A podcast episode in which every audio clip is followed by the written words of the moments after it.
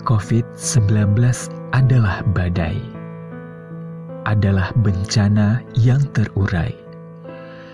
Ia tidak mengintai, tidak juga menilai negara miskin atau kaya, pejabat di Menara Gading atau rakyat jelata yang papa.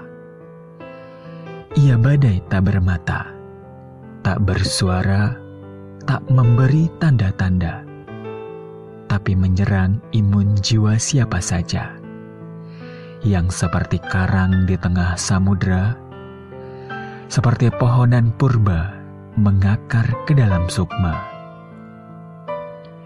Ialah corona, badai yang tak mengenal cuaca, menyerang semesta raya, seperti sifat asal mulanya, hanya sementara tetapi daun luruh telah merata di setiap negeri.